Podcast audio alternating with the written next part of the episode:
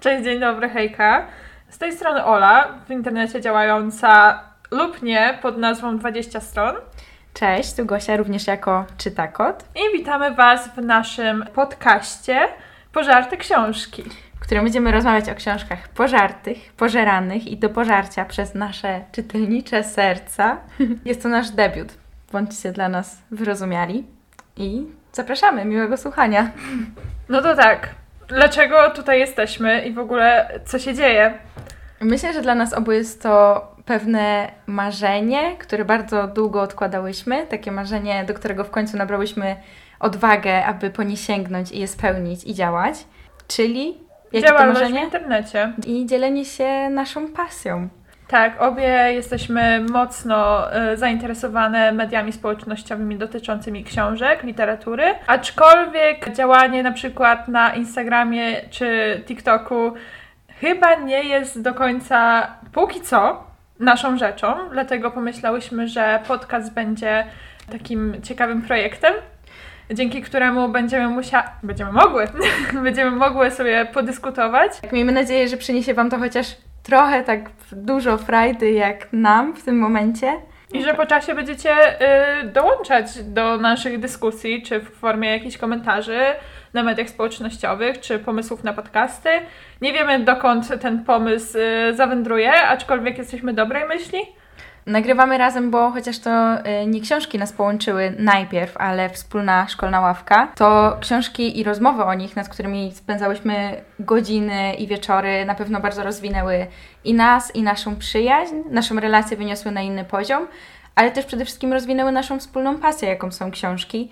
Nic tak nie motywuje do czytania i do po prostu tarzania się w tym czytelniczym świecie, jak y, rozmowa z drugą osobą, która ma taką samą zajawkę jak my. Mam nadzieję, że uda nam się dać trochę tego również Wam i że Wy, jeżeli tego słuchacie, jeżeli kiedyś będziemy miały jakąś społeczność wokół tego podcastu, będziecie nas również motywować i zachęcać do działalności książkowej.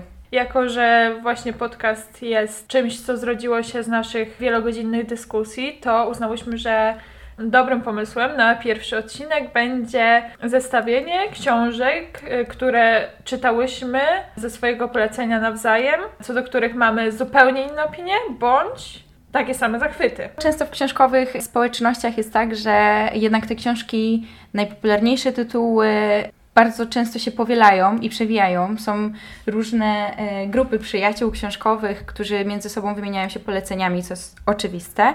No i teraz pytanie, czy jeżeli przyjaźnimy się prywatnie, wpływa to bardzo na nasze czytelnicze wybory? Czy nas dzieli, czy dzieli naszą przyjaźń, czy sprawia, że mamy ochotę się udusić i zamordować, albo bardzo przekonać tą drugą stronę do naszej racji? Czy może też y, nie ma to w ogóle wpływu? Wspólne godziny rozmów na pewno jakoś kształtują nasze gusta. Tak, zdecydowanie. Jeśli słyszysz przez bardzo długi czas, że jakaś książka jest bardzo wspaniała, albo w moim przypadku też bardzo słaba, to mnie na przykład to zachęca do przeczytania, bo jestem ciekawa, y, jak moja opinia będzie się różnić bądź nie od Twojej. Tym bardziej, że z życia wiemy, że nieraz nasze wybory książkowe mogą skrajnie odchodzić od siebie, mimo tego, że y, w życiu codziennym myślę, że jesteśmy dość podobne, jeżeli chodzi o nasze poglądy i wartości. Chyba czas przejść do pierwszej książki, która nas podzieliła. Zaczniemy od budowania napięcia. Dobrze, więc na pierwszy rzut idzie książka V. Schwab Niewidzialne życie Adi LaRue. Tutaj się okaże, czy y, słuchacze polubią Małgorzatę, czy nie. Tak, trochę się boję, szczerze mówiąc, przechodzi mnie dreszcz na myśl o tym, że y, mogę sobie trochę nieprzyjaciół stworzyć już w pierwszym odcinku, wypowiadając się krytycznie na temat książki, którą ludzie ubóstwiają, ale wiem też, że nie jestem sama, ponieważ Adi zbiera skrajne opinie mimo wszystko, Tak, tak. nie jesteśmy odosobnione w tym podziale. Dobrze, o czym Bo- jest Adi? E, Bo z Adi było tak, że po premierze to był taki e, boom bookstagramowy, prawda?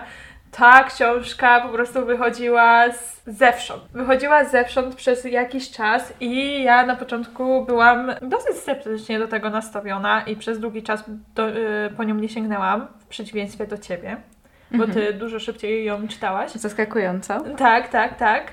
I czy to był taki boom Zasłużony? zasłużony czy niezasłużony? No tutaj już mamy Podzielone opinie. podzielone opinie. Według mnie tak, według ciebie nie. No tak, bo nazwisko Schwab powinno bronić się samo, że to będzie hit, to będzie kawał dobrej literatury, fantazy, to będzie coś, co ludzie będą kupować, co będą czytać, o czym będą rozmawiać. No i właśnie, te rozmowy są dość e, skrajne czasami. Nie mogłam się doczekać, aż sięgniesz po tę książkę, kiedy ją, uwaga, skończyłam czytać, bo nie skończyłam wszystkich stron. Przerwałam moją przygodę z Adi, prawie na samym końcu. Jak tak zaczęłaś zdanie, to myślałam, że w międzyczasie ją skończyłaś i byłam mega zaskoczona. Tak? Nie, jednak nie. Zostało mi do końca jakieś kilkadziesiąt, może sto stron. Po prostu nie byłam w stanie jej skończyć, co też dużo już jakby pokazuje Wam na temat mojej opinii na tej o tej książce. Także nie mogłam się doczekać, aż przeczytasz tę książkę, żebym mogła się z Tobą podzielić moim rozczarowaniem, może powiedzmy tak. Byłam ciekawa, czy podzielisz moje zdanie i szczerze mówiąc, kiedy odezwałaś się do mnie, że jesteś po lekturze i książka podobała Ci się, poczułam małe ukucie w serduszku, bo ten moment, kiedy możesz ze swoją książkową psiapsi ponarzekać i zjechać jakieś dzieło od góry do dołu, też jest niestety satysfakcjonujący. Guilty. Także, no i cóż, nie zamordowałyśmy się nawzajem. Powiedz mi, czemu? A może zacznijmy od co? Okej, zacznijmy od co? No to zacznijmy e, od tego, że opowiem kilka słów o fabule dla tych, którzy żyli pod kamieniem przez ostatnie 3 lata. Albo po prostu mają inny gust li- literacki. No, okej, warto byłoby wspomnieć o fabule, jak już mówimy o książkach. No tak, czasami Czasami się. warto. Tak. No to tak, Niewidzialne życie Adi Leroux mówi o losach tytułowej Adi, której marzeniem i celem w życiu było to, żeby zostać zapamiętanym i żeby wieść takie, znaczy właśnie nie zapamiętanym, tylko żeby wieść takie niezwykłe życie.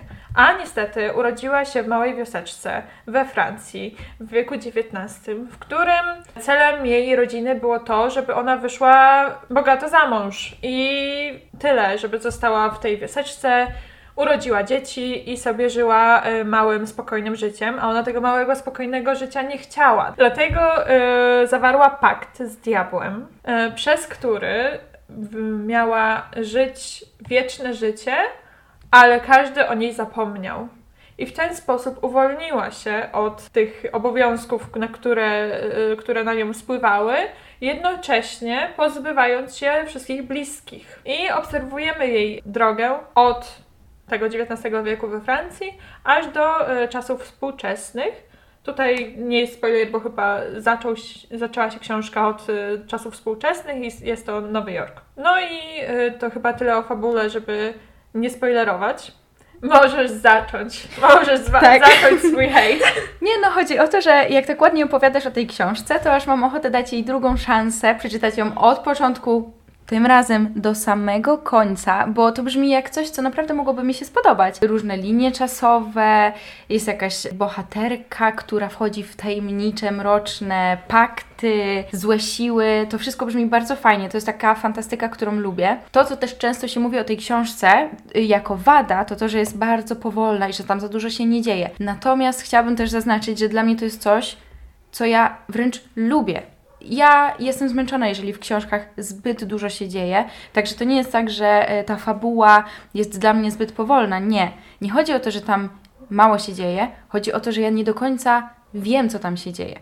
Chodzi o to, że kiedy ja czytałam tę książkę, to dała mi na początku czas, ok, pierwsze 100 stron, pierwsze 200, książka jest gruba, no ale mija 300 stron, mija kolejne ileś stron i dalej ja w sumie nie czuję bohaterki. Nie czuję historii. Nie wiem do końca o czym jest książka, nie wiem co tam się dzieje. Ona gdzieś tam sobie chodzi i tak dalej. I chciałabym bardzo, żeby ta jej historia już się skończyła, ponieważ Adi jest dziko jakoś zmotywowana. Ona żyje nieskończoność y, lat. Adi nie nudzi się tym, czym ja się nudzę na kilku rozdziałach kolejnych, a ona tych lat ma kilkaset, nie chcę teraz wprowadzać czytelników w błąd. Nie wiem, nie, ja nie wierzę w tę bohaterkę. Nie rozumiem skąd ona bierze motywację i dlaczego jej się chce. No to tak, rzeczywiście mało się dzieje, ale też fabuła nie pozwala na to, żeby działo się więcej. Dlatego, że jest to fantastyka, której nie mamy różnych, nie wiadomo jakich istot, nie mamy wampirów, wilkołaków i tak dalej, więc y, no tutaj w fabule nie mogło się dziać więcej, dlatego że to życie, które, którym żyła Adi, oprócz tego, że było wieczne, było całkiem zwyczajne. Nie miała więcej, więcej energii, więcej mocy, żeby robić nie wiadomo co, a ta motywacja według mnie było widoczne w ciągu tej historii, jak ta motywacja spada i jak ma te wątpliwości. Okej, dobra. Zaskoczyłaś mnie teraz. Zastanawiam się, czy odczułam też, czytając to ze strony Adi, takie znużenie już tą walką o kolejne dni. Nie wiem. Ona też była uparta, więc ten pakt, z, wiem, nie lubisz upartych bohaterek, ale ten pakt z diabłem działał na nią bardzo motywująco, dlatego że wreszcie miała swoje życie w garści i ona nim trochę rządziła, ale trochę i tak wiadomo za sznurki pociągał diabeł i ona nie mogła mu tego oddać. I to ją motywowało. To, czy to była dobra motywacja, czy zła, to już kwestia sporna, ale była to motywacja. Myślę, że to, co nas poróżniło w tej Mhm. książce, to jest właśnie ta wiara w bohaterkę. To, że nasze różnice w osobowościach mogły nas do Adi przybliżyć bądź oddalić. Dla mnie ona była niewiarygodna i nie wierzyłam w jej wybory, natomiast ty znalazłaś uzasadnienie Mhm. dla tego, jaka jest Adi. Tak. Bardzo trafiło, e, trafił do mnie ten wątek samotności w tłumie, czyli to, co Adi przeżywała każdego dnia. Teoretycznie była z kimś danego dnia, ale na następny dzień tej osoby już nie było. Patrzyła na, ta osoba patrzyła na nią i jej nie pamiętała. I te wszystkie jej próby zapisania się w historii świata poprzez sztukę bardzo mi się podobały. Tak, ten motyw był akurat fantastyczny, chociaż znowu dla mnie to był motyw, który podobał mi się z idei, ale nie z realizacji. Okej. Ale ja rozumiem, dlaczego ci się nie podobało. To była, to była nie twoja bohaterka i jak sobie Tak. myślę, to widzę to. Ona nie jest twoja. Mhm. Możemy tylko żałować, że nie przeczytałaś tej książki jako pierwsza, bo wtedy Mhm. powiedziałabyś mi, że Adi mnie wkurzy Aha. i że tak. powinnam sięgnąć może po inną książkę. A właśnie. może z uwagą na to, że, że możesz nie zrozumieć jej motywów. Tak, bo to jest, to jest ładna historia, jest pięknie napisana. To prawda. Wiadomo, warsztat Schwab to nie jest coś, co mamy kwestionować, ale mało się tam dzieje. Trzeba polubić bohaterkę chyba, żeby polubić samą historię. Ja na przykład nie polubiłam bohatera, który się pojawił i który związał się w pewien sposób z Adi, bo nie uwierzyłam w niego, aczkolwiek przez to, że było go mniej w historii, to Nie przeszkodził nie ci. przeszkodził mi, tak, nie przeszkodził mi w odebraniu jej. Skoro się dogadałyśmy. Tym razem książka, która zaskakująco spodobała się mnie. Zaskakująco, bo książka Lisy K. Adams Bromance Klub Książki, czyli książka, która wzbudzała we mnie mieszane uczucia, kiedy miałam po nią sięgnąć, natomiast przekonana recenzjami innych bookstagramerek, które każdego dnia inspirują mnie do zakupienia jakiejś książki, nie wiem czy dziękować, czy nie, trochę się bałam, ale bardzo miło się zaskoczyłam. Książka to romans, jak mówi tytuł. Taki wesoły, ze scenami, które mają nas rozbawić, rozczulić i zachęcić do pozastanawiania się nad perspektywą naszej drugiej połówki, kiedy w związku dochodzi do nieporozumień, ale przede wszystkim zawodów i rozczarowań. O czym jest książka? Na początku główny bohater dostaje od swojej żony cios prosto w ego. Jego nieadekwatna reakcja staje się wisienką na torcie kryzysu między nimi i od tego wychodzi cała historia, w której poznajemy działania i strategie wypracowane wraz z jego przyjaciółmi, którzy wtajemniczają go w klub książki, gdzie z pomocą klasycznych romansów opracowują strategię lepszego zrozumienia swoich partnerek. Jak o tym mówię, to trochę mnie skręca, bo brzmi jak coś, co mogłoby pójść bardzo złą stronę. I mnie skręciło czytając. No właśnie, Ciebie skręciło czytając, mnie trochę przeraziło, ale kiedy sięgnęłam po tę książkę yy, z myślą o tym, że będę ją czytała na wakacjach, właśnie coś takiego lekkiego, przy czym trochę się pośmieję, trochę powzruszam, nie zawiodłam się. Tak jak w książkach zazwyczaj szukam bardzo dużo kobiecej perspektywy, kobiecej energii, czegoś takiego z perspektywy takiej bardzo, na przykład feministycznej, tak tutaj dostałam męską perspektywę.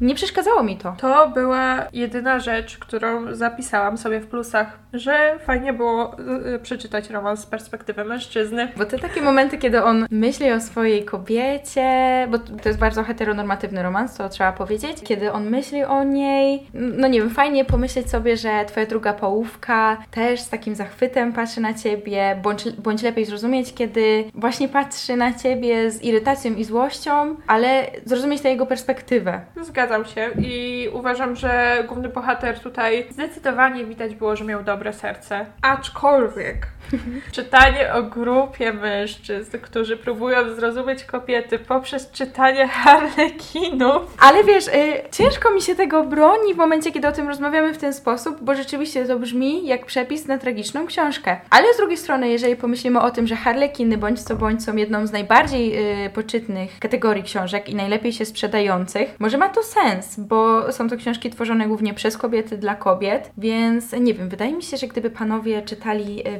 więcej książek tego typu, no i właśnie teraz pytanie, czy polepszyłyby się nasze relacje, czy polepszyłyby się tylko nasze relacje, ale łóżkowo-randkowe, nie? Mi się wydaje, że zwiększyłoby to tylko presję i oczekiwania. Okej. Kiedy ostatni raz czytałaś Harlekina? One nie są realistyczne. To prawda. Tak się nie da żyć.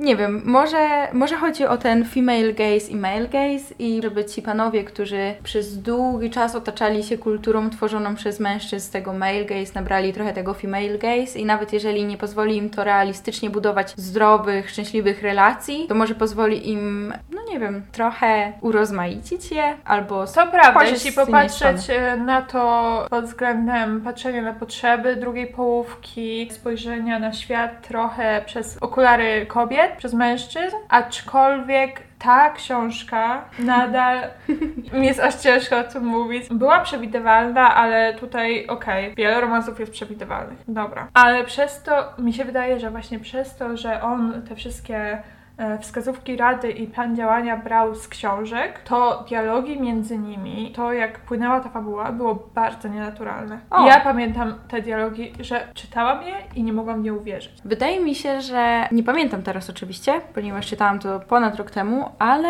musiałam uwierzyć w te dialogi, bo gdybym nie uwierzyła, to bym właśnie to zapamiętała, nie? Bo by na pewno mnie raziły po oczach, więc nie wiem. Zapisałam jeszcze coś. Była to para dwóch dorosłych ludzi, którzy mieli dzieci, a oni przez większość książki sami zachowywali się jak dzieci. Szczególnie główna bohaterka, która miała takie problemy z komunikacją. Ona nie chciała go posłuchać, ani przez moment książki. Według mnie. To prawda, a rzeczywiście przez większość książki ten ciężar odpowiedzialności I tej walki o relacje. Musicie przekonać się sami, po której stronie stoicie. Czy ta książka przyniesie Wam trochę śmiechu i takiego rozluźnienia, czy może nerwów i irytacji? Tutaj też y, zależy od nastawienia. Jeśli nastawi się ktoś na po prostu romans na plaży, to może się to podobać. No i ja nie mówię, że ta książka jest po prostu definitywnie zła. Z jakiegoś powodu ją dokończyłam, prawda? Czyli na tyle mnie zaciekawiła, żeby ją dokończyć. Ale według mnie, jako osoby, która raczej nie czyta romansów i czyta ich kilka na rok, to było słabe. Nie literacko, jeśli chodzi o styl pisania autorki, tylko fabularnie. Ale muszę się z Tobą po części zgodzić, bo myślę, że gdyby ta książka też była wybitnym romansem w kategorii plażowych romansów, Mhm. to sięgnęłabym po kontynuację, a jednak nic mnie do niej nie ciągnie. Ja polecam, ale na plażę nie jesienią. Kiedyś nagramy odcinek o plażowych romansach. Następna przygotowana przez nas książka. Tym to, razem na jesień.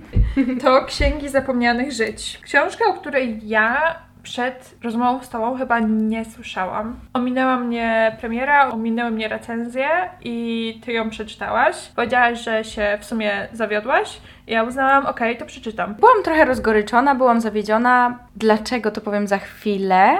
Może dowiedzmy się, o czym jest ta książka. Ta książka mówi o losach głównego bohatera Emeta, który pracuje w polu swoich rodziców, aż do dnia, w którym dostaje list od kobiety imieniem Saredit, w której dowiadujemy się, że wzywany jest on do rozpoczęcia praktyk z oprawiania książek, a w świecie, w którym książka się rozgrywa, e, czytanie książek jest zakazane i nikt tych książek nie ma. Dlatego jest to bardzo szokujące i Emmet wybiera się na te praktyki. Z opisu i z pierwszej części książki można wywnioskować, że jest to piękna, poetycka wręcz powieść o wspomnieniach, o książkach, o sztuce, o Magii. o magii, tak, magii. zdecydowanie o magii. A potem jest zwrot akcji, który... Następuje zbyt szybko. I jakby zapominamy trochę o, o czym ta książka była wcześniej. Zastanawiam się teraz, czy kiedy przeczytałam tę książkę, uprzedziłam Cię o tym, co tak bardzo mnie zawiodło i może dlatego miałaś inne nastawienie i Tobie książka się spodobała, a mi nie. Czy pamiętasz to? Tak, zrobiłaś to.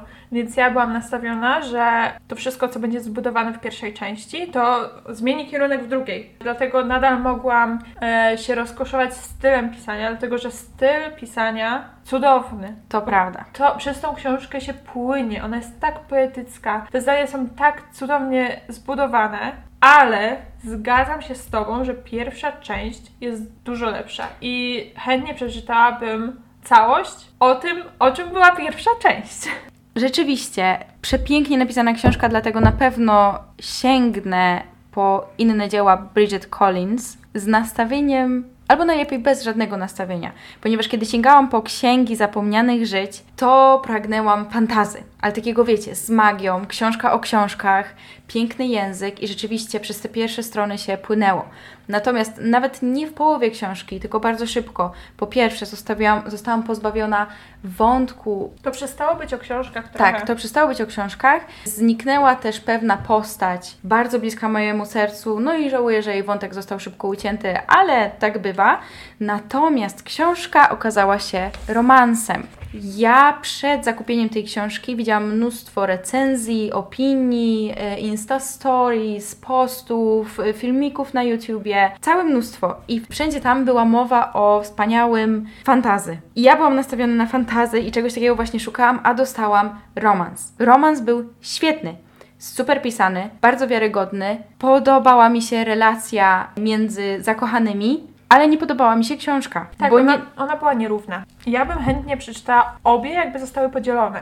przeczytałabym taki romans, ale również przeczytałabym, bo ja, ja czuję taką żałobę nad y, pewnym wspaniałym wątkiem i ideą, bo Bridget Collins wyszła tutaj z pomysłem na świat, w którym książki są intrygujące i budzą postrach i naprawdę nie chcę tutaj spoilerować, ale to było genialne dla mnie. Gdyby zbudować na tej idei świat z książkami fantazy, serią ciągnącą się przez 7 pom- tomów, byłabym zachwycona. Gdyby wyciągnąć wątek Jesteś romantyczny... siedmiu tomów? Z siedmiu tomów, tak. Aż tak mi Wow. się spodobało.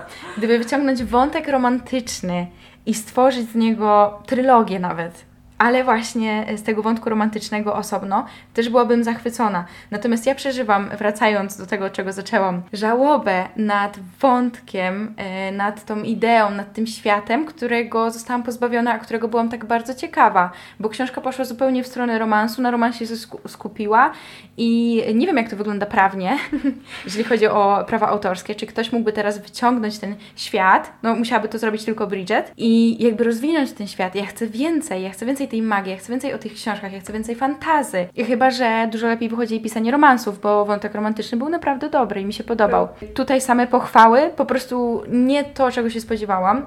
I gdyby się na tym skończyło, to może ta książka by nas tak bardzo nie podzieliła, ale podzieliła nas, ponieważ bardzo zdenerwowało mnie to, że Bridget odebrała kobietom głos. To brzmi strasznie.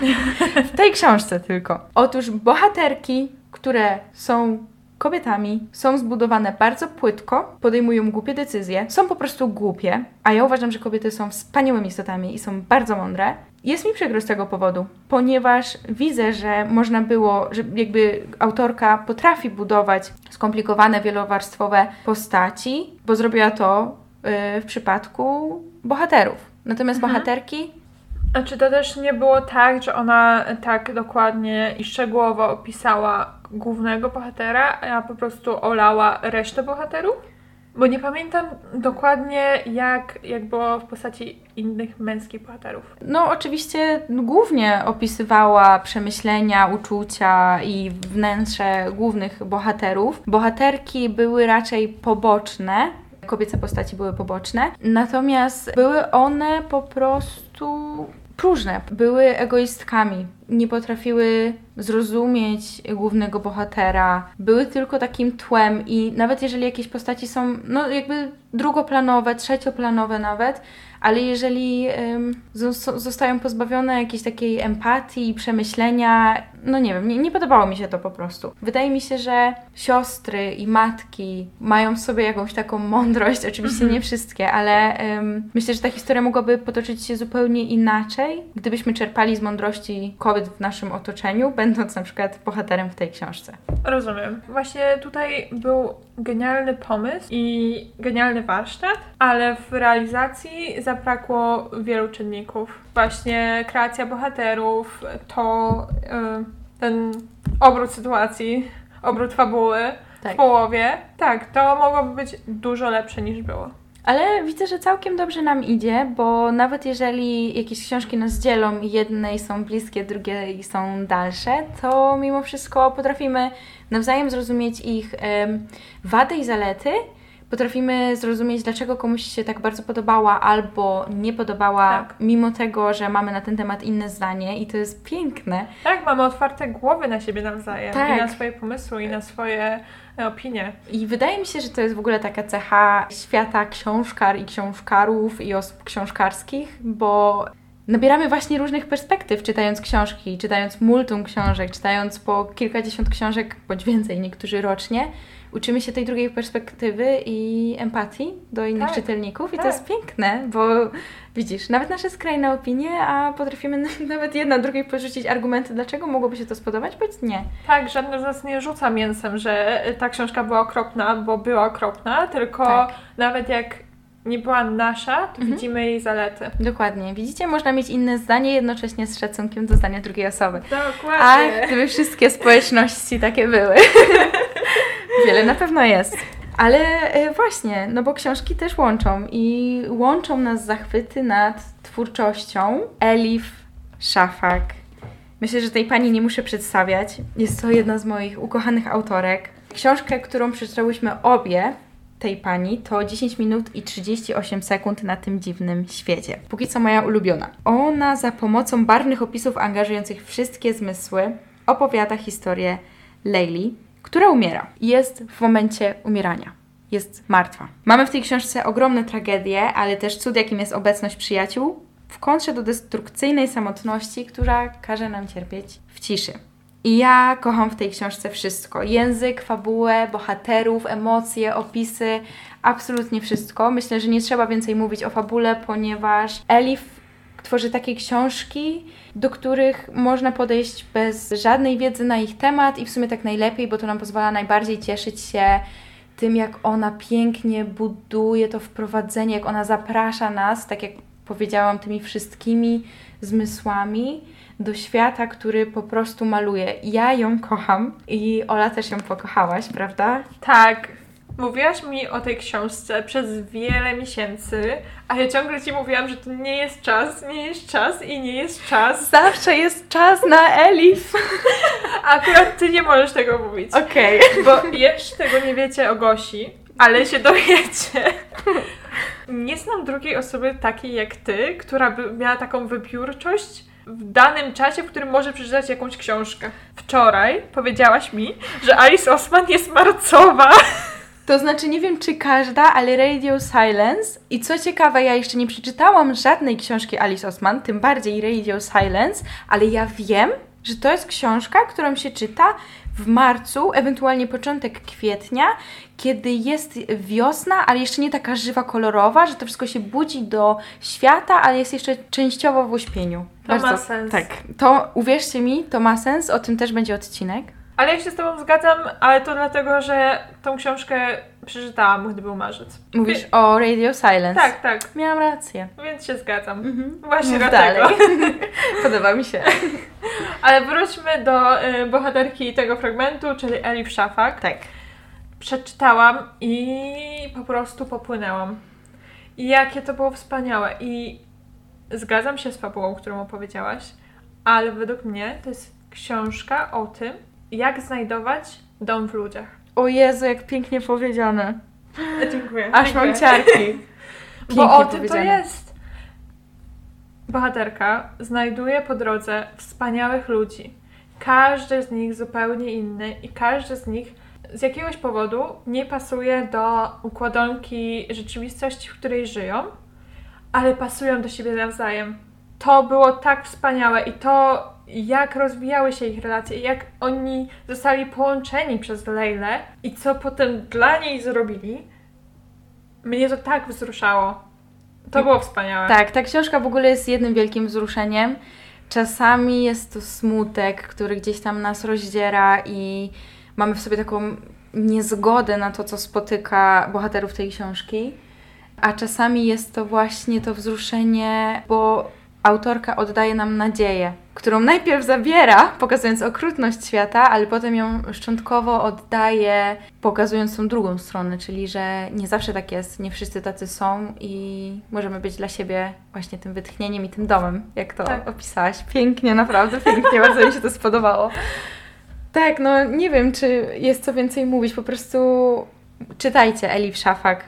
Teraz coś, co jest tak wspaniałe, że w tym roku już trzecia osoba z naszej grupy przyjaciół czyta tą książkę i dlatego nie mamy jej w ręce. I jest to książka Wszystko, co wiem o miłości Dolly Alderton. Odkrycie jest, Oli. Tak, jest to moja chyba ulubiona książka tego roku. O! Tak, wiem, że to bardzo duże słowa, ale wydaje mi się, że to będzie mój ulubieniec roku.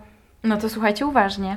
Jest to pamiętnik autorki z jej lat 20., czyli z wchodzenia w dorosłość. Obserwujemy, jak e, kształtowało się jej spojrzenie na świat. Już jako dorosła osoba opowiada tam o swoich doświadczeniach z randek, z pierwszych prac, z imprez, a także z przyjaciół. I pisze tutaj z wielkim dystansem, z ogromnym sercem, a także z nietuzinkowym poczuciem humoru, który był bardzo ważny, o różnych swoich e, doświadczeniach życiowych i tych pozytywnych i negatywnych i jak one działały na nią i co przy nim e, czuła i jest prawdziwa i przekazuje swoją energię czytelnikowi i całą gamę emocji, a także zarówno nadziei, jak i takiej niepewności, którą przeżywa każdy wchodzący w dorosłość. Po prostu wspaniała. To muszę potwierdzić, każde Twoje słowo zgadzam się i podpisuję pod nim w 100%. Dolly w ogóle jest taką osobą, że kiedy czytasz tę książkę, to masz wrażenie, że ją znasz. No zresztą tak, samo to powiedziałam, tak. Dolly jest taką osobą, tak? Pani Alderson, autorka, po, po prostu ona burzy zupełnie dystans między czytelnikiem a autorem tak jakbyś rozmawiała z nią przy kawce, herbacie czy szocie w klubie. I w ogóle ta taka ogromna dawka takiej czułości i wyrozumiałości. Ta wyrozumiałość to jest takie słowo, które cały czas było gdzieś w mojej głowie podczas tej lektury. Ta wyrozumiałość do błędów w życiu młodego człowieka, do, do y, błądzenia. Do błądzenia, tak, do decyzji, które podejmujemy, do tego, jak traktują nas też inni i życie. Ona po prostu przyjmuje to wszystko z otwartą głową, otwartym sercem i pozwala temu płynąć. Tak. I to było fascynujące. Myślę, że ta książka na pewno da wielu czytelnikom, którzy po nią sięgną, taką ulgę. Nie jesteśmy z tym sami. Nikt Wszyscy nie jest tak idealny. Mają. Nikt nie jest idealny, tak, dokładnie. Szczególnie w dobie dzisiejszych social mediów bardzo koloryzowanych, upiększanych i tak dalej. Chociaż teraz, w 2022 roku już trochę mniej, ale wciąż. Coś wspaniałego polecam dla właśnie dla tego uczucia ulgi i wsparcia. Ja jestem zdziwiona, że tak mało o niej słychać. Na polskim rynku. Na polskim rynku, bo za granicą ta okładka gdzieś tam się przebija że niejednokrotnie ją widziałam i pewnie dlatego mnie zainteresowała, bo sama okładka jest, jest w punkt. Taka jak książka. Wygooglujcie ją sobie. I byłam zdziwiona, że jest przetłumaczona, jak ją zaczęłam szukać. A już kilka lat temu się to zdarzyło, została przetłumaczona kilka lat temu. I tak, przeczytałam ją, powiedziałam Gosi, że musi ją przeczytać i z wielkim entuzjazmem o niej mówiłam. Gosia przeczytała, teraz właśnie nasz przyjaciel, pozdrawiamy Konrada, czyta i też jest zachwycony. Tak, i przyłapyłyśmy go w pociągu podczas lektury, jak śmiechnął nad książką, co daje niesamowitą satysfakcję tak. osobom polecającym. Kiedy widać też emocje na twarzy innej osoby, która czyta książkę, którą my się zachwycałyśmy. No i ja jestem mega wdzięczna Tobie, Ola, bo gdyby nie Ty, to właśnie nie usłyszałabym o tej książce Powinnaś dostać jakiś nieoficjalny patronat nad nią i ją rozpromować w Polsce, bo brakuje nam czegoś takiego. W sumie nie wiem, czy kojarzę inną książkę z takim vibe'em. Mi się też wydaje, że o niczym takim nie słyszałam. Szczególnie, że to nie jest fikcja. To też zaskakujące. Bo to nie jest taki pamiętnik jak wszystkie inne pamiętniki. Ten jest wyjątkowy. Chyba przez, też przez, przez to, że nie jest napisany przez osobę, która przeżyła już całe swoje życie i ukształtowała wszystko, co miała ukształtować, tylko jest właśnie o błędach młodości. Wtedy, kiedy jeszcze jesteśmy, jesteśmy w budowie, można tak powiedzieć. Tak, to prawda. E, I przez ten dystans do siebie i przez to poczucie humoru. Cudowne. Cudowne. No, no cóż, no możemy tylko polecać. To jest moje w ogóle mój cel życiowy. Jeśli chodzi o media książkowe. Będę polecać tą książkę. Innymi książkami, które nas łączą i które możemy sobie nawzajem polecać, chociaż nie trzeba, bo są bardzo popularne, to książki Sally Rooney. Czyli też coś, co zazwyczaj ludzi y, dzieli albo łączy. Jest to raczej autorka, która polaryzuje czytelników. Nas łączy. Co jest zaskakujące, bo zazwyczaj jeżeli jest jakaś książka, tak jak na przykład Adi, która zbiera negatywne i pozytywne, skrajne opinie, to właśnie stoimy po dwóch biegunach tych opinii. Natomiast Sally łączy na sobie. Myślę, że jest to spowodowane między innymi tym, że ona przedstawia dwie różne historie w każdej swojej książce. Co najmniej dwie, oczywiście można je podzielić na więcej, ale generalnie jej bohaterki, bo często są to dwie bohaterki, stoją w jakiejś opozycji do siebie.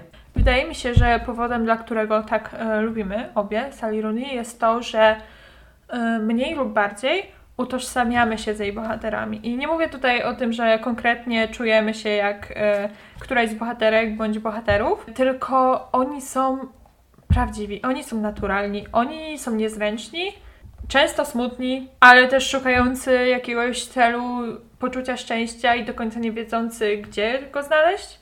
I to jest prawdziwe i nie każdy pisarz i w ogóle nie każdy artysta potrafi tak naturalnie pisać o ludziach, naturalnie opowiadać o ludziach, bo świadomie bądź nieświadomie często przez autorów bohaterowie są e, gloryfikowani. A tutaj tego nie ma. Tutaj e, bo- autorka pozwala im popełniać błędy, pozwala im często zachować się nie do końca etycznie, Tak. mieć różne opinie, często skrajne i robić głupie rzeczy, ale też nie dla robienia głup- głupich rzeczy, tylko y, z jednoczesną chęcią bycia dobrym człowiekiem. I ona pozwala im na pokazanie wszystkich twarzy, na taką jakby ludzką brzydotę po prostu, że oni i one, te osoby są bardzo często egoistyczne, robią coś e, takiego ludzkiego i często tego brakuje po prostu w książkach.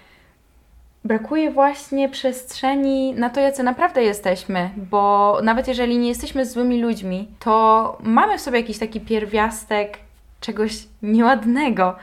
I Sally wspaniale to ujmuje, nie ukrywa tego. To jest naprawdę fascynująca część jej książek.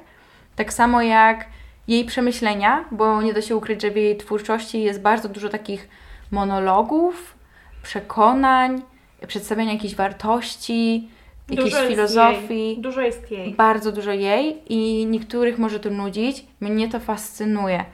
Tak jak w książce e, Gdzie jesteś piękny świecie, tam połowa praktycznie książki składa się z maili, w których bardzo dużo poglądów, można powiedzieć po prostu poglądów. A ja bym chciała teraz powiedzieć anegdotkę. Oj, Anegdotkę, którą Ci y, w tym tygodniu napisałam, dlatego że w tym tygodniu e, czytałam Normalnych Ludzi, a przeczytałam wcześniej Gdzie jesteś piękny świecie i przeczytałam wcześniej Rozmowy z przyjaciółmi. Ale Gdzie jesteś piękny świecie, właśnie tak jak powiedziałaś, po części jest napisane w postaci maili. A w e, Normalnych Ludziach e, Connell pisze e, maile do Marian. problem wszystkich książkach. Tak, czytałam to w tym tygodniu. Conan pisze maile e, do Marian, gdy tam są w różnych miejscach świata aktualnie i tam pisze, że podobała mu się ta forma maili i że ciekawą, ciekawym pomysłem byłoby napisanie książki w formie maili, ale uważa, że to byłoby... Jakiego słowa on tam użył? Nadęte? Coś takiego. Po czym książkę później autorka to robi. To jest... To jest fascynujące. Ja pamiętam mój zachwyt, jak powiedziałaś mi tą anegdotkę i jestem bardzo ciekawa, czy na etapie e, pisania tej sceny Sally Rooney prowadziła dialog sama ze sobą, że hmm, w sumie ciekawy pomysł, ale nie wiem, czy nie będzie to powiedzmy nadęte. Czy ona już wtedy wiedziała i puszczała takie oczko do autora, a już na przykład była w trakcie tworzenia gdzieś tam zarysu, może już napisała książkę, tego nie wiem. Jestem bardzo ciekawa, jak to wyglądało. Tak. Po prostu fascynujące to jest. No, także Sali nas zachwyca nie tylko w książkach, ale też y, pomiędzy nimi w takim meta-książkowym wymiarze. Aczkolwiek ja bym chcia jeszcze, jeszcze chciała dodać, e, że rozumiem, dlaczego tyle ludzi ma do niej problem. Ma problem z jej twórczością, Mhm. dlatego że na przykład mnie Mhm. często to, co robią bohaterowie, wprawia w dyskomfort i w e, taką złość. Ja to doceniam i mi się to nadal podoba. Rozumiem, że dla niektórych to, że bohaterowie e, zachowują się nieetycznie i często też nielogicznie, tak jak ludzie, to może odpychać od jej twórczości. Tak, ja słyszałam wiele zarzutów do tego, że niektóre rzeczy w książkach Sali by się nie działy, gdyby ludzie po prostu ze sobą porozmawiali. Mhm. Tak jak rozumiem, dlaczego kogoś może to denerwować, tak wydaje mi się, że w przypadku Sali jest to dość naturalnie pokazane, nie jest to wyolbrzymione i wtedy przypominam sobie te wszystkie sytuacje, kiedy ja miałam głowę pełną jakichś myśli i wniosków, ale bałam się otworzyć usta i je po prostu wyrazić. I to jest ludzkie. I wydaje mi się, że w jej książkach jest to przedstawione w taki właśnie sposób wiarygodny i taki, jaki sami moglibyśmy popełnić każdego dnia. To teraz słów kilka o klasyce literatury, a mianowicie opowieść podręcznej Margaret Atwood, czyli książka przez długi czas polecana przez Gosię. Gosia nawet odrobinę akademicko zajmowała się przez chwilę Margaret O Jezus, aż... To brzmi bardzo poważnie, aczkolwiek tak, jest to dla mnie książka bardzo ważna. I poruszałam jej temat swojej pracy licencjackiej, stąd ten wstęp. Tak, dokładnie. I e, oczywiście, znaczy nie oczywiście, mogłaby nie być, ale była w mojej takiej domyślnej, niezapisanej liście książek, które na pewno kiedyś przeczytam, dlatego że uważam, że, e, że tego typu ty, tytuły są bardzo ważne i, i gdzieś tam zawsze z tyłu głowy ją miałam, aczkolwiek odrobinę mnie zmusiłaś, żeby przeczytać ją w momencie, w którym ją przeczytałam. Dlatego, że tutaj story time sobie y, siedziałam sama w mieszkaniu we Wrocławiu, miałam kwarantannę, to były te czasy. Oj, tak. Nie mogłam wyjść z mieszkania i Gosia była na tyle miła, że chciała dostarczyć mi czegoś, czym mogłam się zająć i przywiozła mi książki i było mi bardzo w tym momencie miło i między innymi przywiozła mi właśnie opowieść podręcznej. Jakże mogłaby mnie. Kilka słów o opowieści podręcznej, mimo że e, jest to historia przez większość ludzi znana, nawet niekoniecznie z książki, ale też z serialu HBO, bardzo popularnego. Myślę, że jest to już taki trwały ślad w naszej kulturze, Tak. Ale, Ale- przedstawmy. Ale pokrótce jest to antyutopia, w której e, panuje reżim, ortodokcja. E, u władzy są e, radykałowie religijni, którzy właśnie wprowadzili swoje rządy, swoje prawa, w którym e, kobiety zostały ich pozbawione, tak samo jak wolności. I główną bohaterką jest Freda, której imieniem tak naprawdę nie jest Freda, ale przez to, że jest podręczną, nie posiada swojego imienia, tak jak praw i wolności. Tak jak powiedziałam, Freda jest podręczną, czyli jej e, zadaniem jest rodzić dzieci dla swojego komendanta. Rola podręcznej, e, podręcznych w społeczeństwie jest taka, że właśnie mają one rodzić dzieci, dlatego że panuje e, bezpłodność. Wiele kobiet jest bezpłodna, więc e, raz w miesiącu stara się o dziecko z komendantem przy obecności jego żony. Mm, Muszę tutaj dodać, że jest to oczywiście w ten sposób przedstawiane, że wiele kobiet jest bezpłodna, bo mężczyźni nie mogą być powodem problemu w realiach, jakim jest świat opisany w opowieści podręcznej i to, co powoduje ciarki na moich plecach, to fakt, że Margaret Atwood, pisząc tę książkę, użyła realiów, które na tym świecie już były bądź są. Bądź niestety bardzo możliwe, że nadal będą. Oczywiście, więc y, jest to książka, która stoi na półce z fikcją, ale niestety dla wielu ludzi jest prawdą, bądź była na kartach naszej historii, o których nie możemy zapomnieć i których powinniśmy mieć świadomość, dlatego moim zdaniem ta książka jest bardzo ważna. I została napisana kilkadziesiąt, kilkadziesiąt lat temu, a właśnie nie straciła w ogóle na e, ważności i na, e, Realności, na niestety. realności, dokładnie. I tym bardziej powinna być nadal czytana jako takie ostrzeżenie. Tak, i jako ostrzeżenie też, ym, albo jakieś takie podsumowanie, nie wiem jak to nazwać, Margaret Atwood y, zdecydowała się na publikację, można powiedzieć, kontynuacji, czyli testamentów, ponieważ jak sama wspominała, pisząc tę książkę kilkadziesiąt lat temu, myślała, że świat pójdzie w inną stronę. Niestety poszedł właśnie w tę, której strach towarzyszył bohaterom opowieści podręcznej. Czy wydanie drugiej książki w tym uniwersum coś zmieniło? Myślę, że tak, w świadomości wielu osób. Myślę, że powinniśmy mówić o tym jak najwięcej. Powinniśmy czerpać inspirację i siłę oraz taką świadomość z tych historii, które Margaret Atwood nam przedstawia. No, jestem ogromną fanką. Yy, Nie tylko tej serii, ale autorki, jej osoby, jej wypowiedzi i mam nadzieję, że udało mi się zarazić Cię miłością do Margaret Atwood. Chociaż nie wiem, czy można tutaj mówić o miłości, czy raczej o jakichś takich uczuciach bardziej bliskich inspiracji, także... Takiego podziwu. Podziwu, tak. Wyniosłam ją tutaj na ogromne piedestały, ale myślę, że Margaret Atwood zrobiła bardzo dużo dla naszej kultury i świadomości i myślę, że warto o tym mówić. Ja Ci bardzo dziękuję za to polecenie. Nie ma za co. Nie no, myślę, że nie masz co mnie dziękować, ponieważ jest to mimo wszystko Margaret Atwood.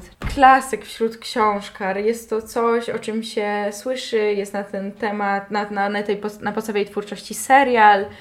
No, nie, nie trzeba jej po prostu przedstawiać czy polecać, ale trochę się cieszę, że wrzuciłam taką moją cegiełkę, żeby kolejna osoba poznała jednak książkę, także... Tak, bo to jest tego typu książka, o której warto mówić i warto, żeby gdzieś tam z tyłu głowy zawsze pozostawała. Ale czasami właśnie oprócz poruszania takich ciężkich tematów i wymagających naszej świadomości społecznej, warto też otworzyć swoje serce na dawkę empatii, na dawkę nadziei. Bo nadzieja, tak, to jest słowo, które też kojarzy mi się z książką, o której teraz będziemy mówić, czyli Promyczek Kim Holden. Bardzo się cieszę, że o nich mówimy. Tak.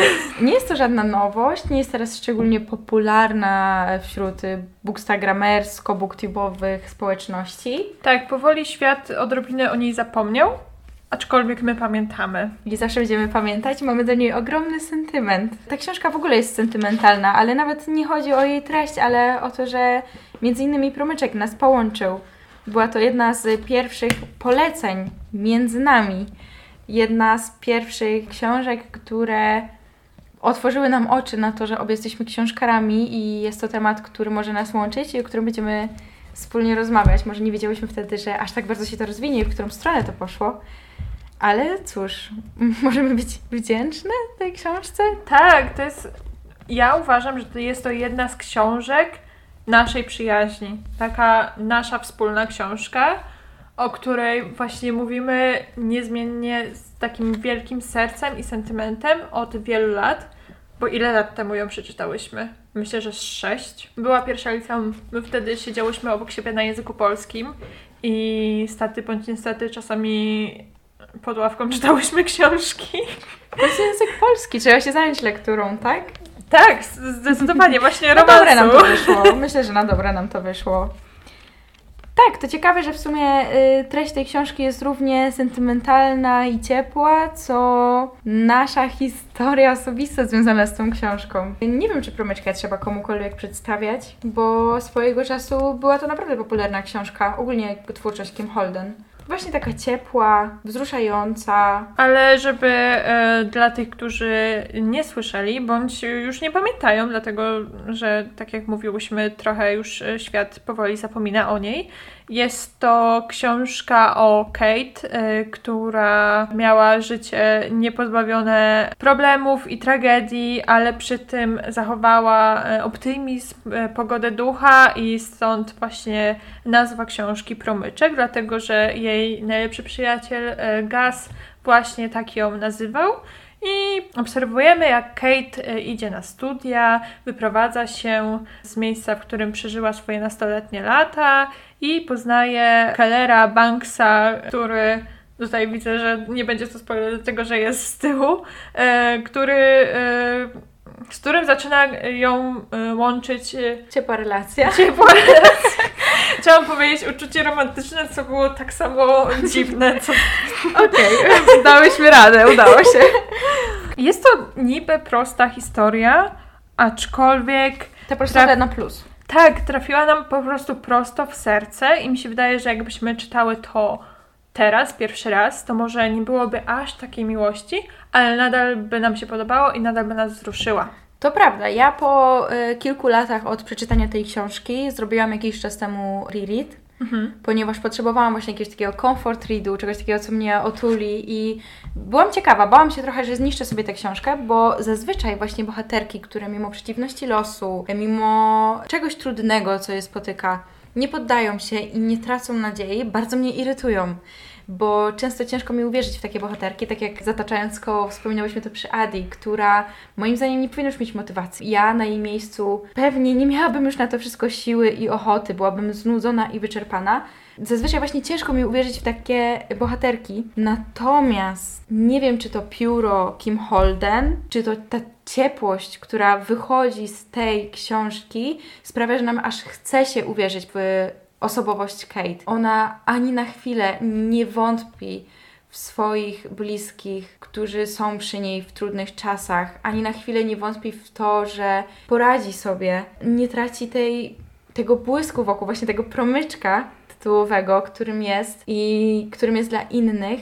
Myślę, że normalnie mogłoby mnie to irytować w książkach, ale tutaj po prostu daje taką nadzieję i bohaterka inspiruje nas do tego, żeby właśnie się nie poddawać i żeby szukać pozytywów, nawet w ciężkich czasach i myślę, że zaraża tym swoim optymizmem. Nie zraża, ale zaraża. Nie jest to męczący optymizm, mówienie dam radę, wszystko jest ok, nic mi nie będzie i tak zwana toksyczna pozytywność. Nie jest to pełna takiej wrażliwości na dobro otaczające nas, zarażająca dawka wiary w lepsze jutro. Najpierw bym tego nie ujęła. Tak, jest to nasza e, sentymentalna książka, czyli taka, o której najlepsze, o jakiej mogłybyśmy opowiedzieć w pierwszym odcinku naszego podcastu, bo po prostu jest z nami przez te wszystkie lata i to jest taki nasz trybut do niej. Dokładnie i jakby samo patrzenie już na tę książkę przenosi mnie w jakiś taki czas kilka lat temu do młodszych nas, dorastających jeszcze nastolatek tak naprawdę które może właśnie potrzebowały wtedy takiej Kate, która im da trochę nadziei i wiary. Myślę, że to był dobra książka, dobry czas. Dobra książka, dobry czas i piękna relacja przyjacielska. Może nas czegoś nauczyła, może to z niej. Wyciągnęłyśmy jakieś wnioski, które trzymają nas razem. Może, może dzisiaj. przez nią jesteśmy dzisiaj tutaj. Dzięki niej. może. Myślę, że będziemy powoli przechodzić do końca naszego odcinka. I jeszcze tak, dopóki tego nie przesłuchamy, nie będziemy wiedzieć, ale wydaje mi się, że poszło nam całkiem dobrze. Przybij mi piątkę. Tak, dałyśmy radę, jej! Tak, i przez to, że opowiedziałyśmy kilka słów o książkach, które czytałyśmy ze swojego polecenia i tych y, które nam się nie podobały i tych, które nam się podobały, to w ten sposób mogłyśmy Wam, y, słuchaczom, pokazać mniej więcej, czego oczekujemy od książek, czego potrzebujemy w książkach i trochę opowiedzieć o naszych gustach e, czytelniczych. Oczywiście w kolejnych odcinkach dowiecie się tego więcej, ale uważam, że był to e, dobry start, żeby właśnie zacząć od tego, co nas wzrusza, co nas bawi i co nas zasmuca w książkach, które czytamy. I mimo tego, że niektóre z tych rzeczy nas dzielą, a niektóre łączą, potrafimy dalej o nich rozmawiać i Mamy nadzieję, że i Wy również, jeżeli się z nami zgadzacie bądź nie, to jesteście ciekawi prowadzenia tej trochę jednostronnej konwersacji, chociaż nie wiem, może w komentarzach ktoś tam się odezwie, nawet z różnymi gustami i upodobaniami i umiłowaniami do różnych książek, możemy się łączyć w rozmowie. Bardzo nam miło, e, że przesłuchaliście naszego pod- dzisiejszego podcastu. Tak. Widzimy się w następnym odcinku. Bye!